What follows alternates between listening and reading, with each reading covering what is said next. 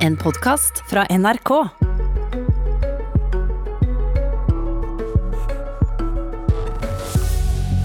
Svenskene mener det har liten effekt å stenge skoler og barnehager for å hindre pandemien.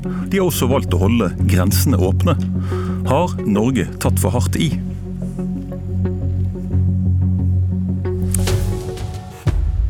God morgen, dette er Politisk kvarter. Mitt navn er Ole Reinert Omvik. Så å si alle barn her i landet er nå hjemme fra enten barnehage eller skole. Og vi har stengt grensen for utlendinger.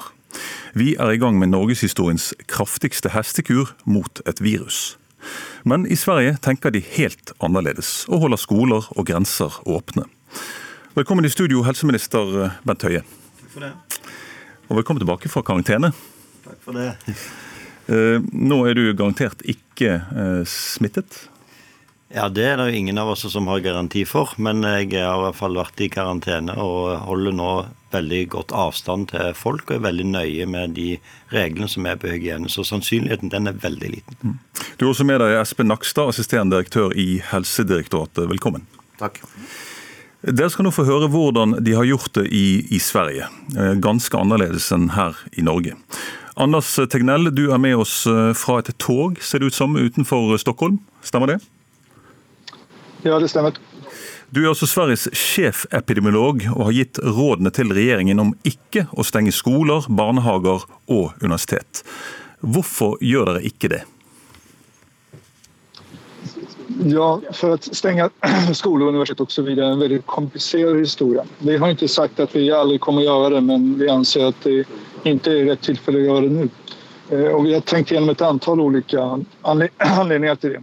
Eh, Den vetenskapliga litteraturen talar inte för att det finns någon stor effekt av att stänga skolor och sånt.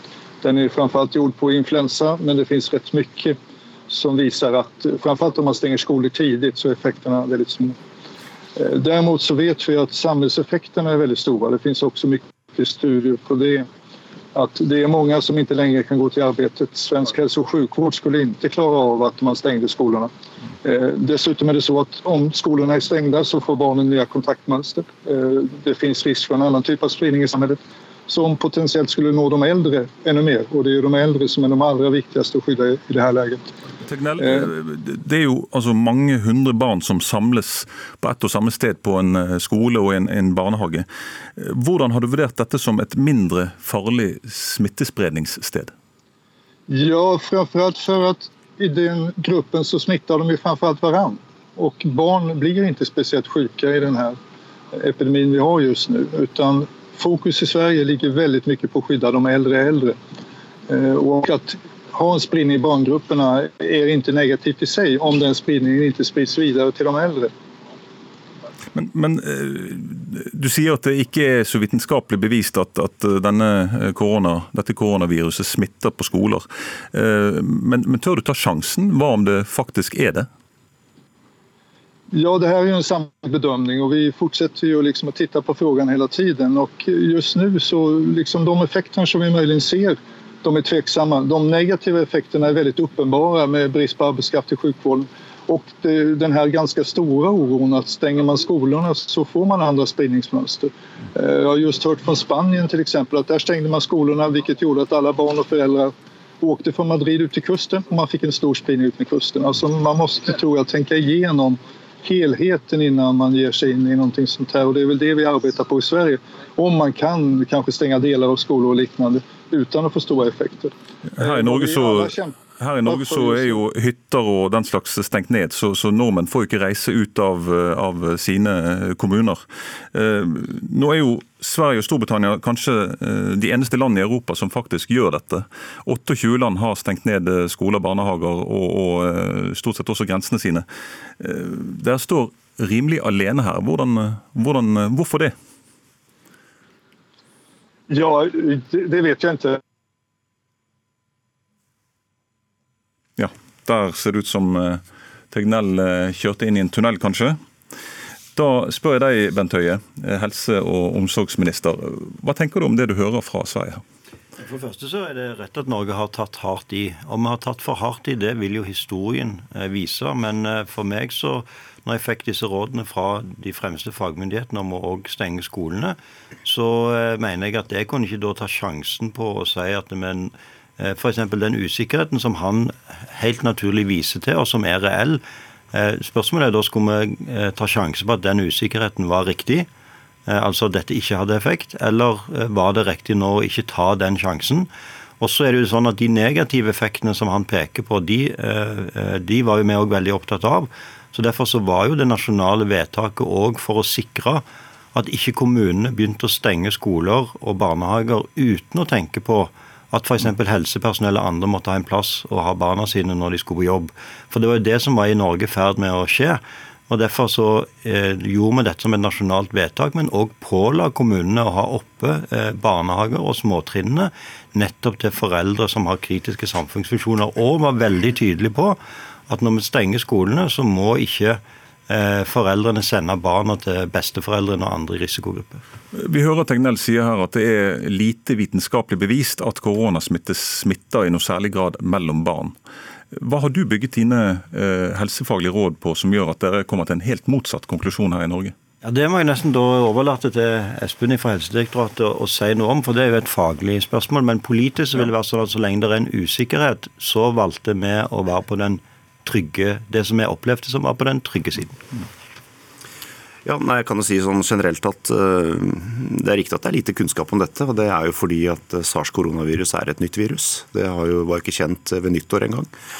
Uh, og det viser seg nok at det smitter lettere enn influensa. I hvert fall ut fra de rapportene man kan se i utlandet.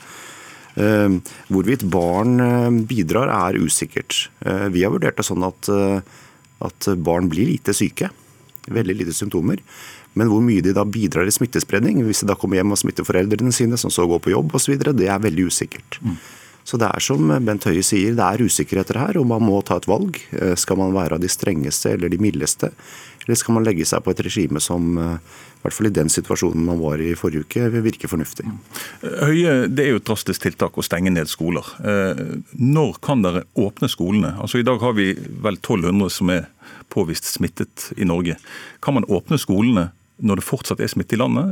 Hva, hva har dere tenkt der? Hva slags exit-strategi har dere? Ja, det er noe av det som vi jobber nå med, og som vi også våre fagmyndigheter jobber med for å gi oss råd på. Og Da må vi jo vurdere smitteforhold opp mot samfunnskonsekvensene. Og det er F.eks. et sentralt spørsmål vil jo være eh, de som er elever i videregående skole som skal ha avgangseksamen. Eh, det er jo et eh, spørsmål som nærmer seg. Eh, og Da må vi jo gjøre en vurdering av er konsekvensene hvis et helt kull ikke får, får tatt avgangseksamen, så store, og at dette er så voksne elever at det f.eks. er mulig å ha regimer rundt det som gjør at de kan få komme tilbake igjen på skolen. Men alle disse tingene er det vi jobber med nå. Fordi vi må òg nå høste erfaringer med de tiltakene som er innført. Og Så er det alltid, som òg eh, vår svenske venn var inne på, tidspunkt er et veldig vesentlig spørsmål.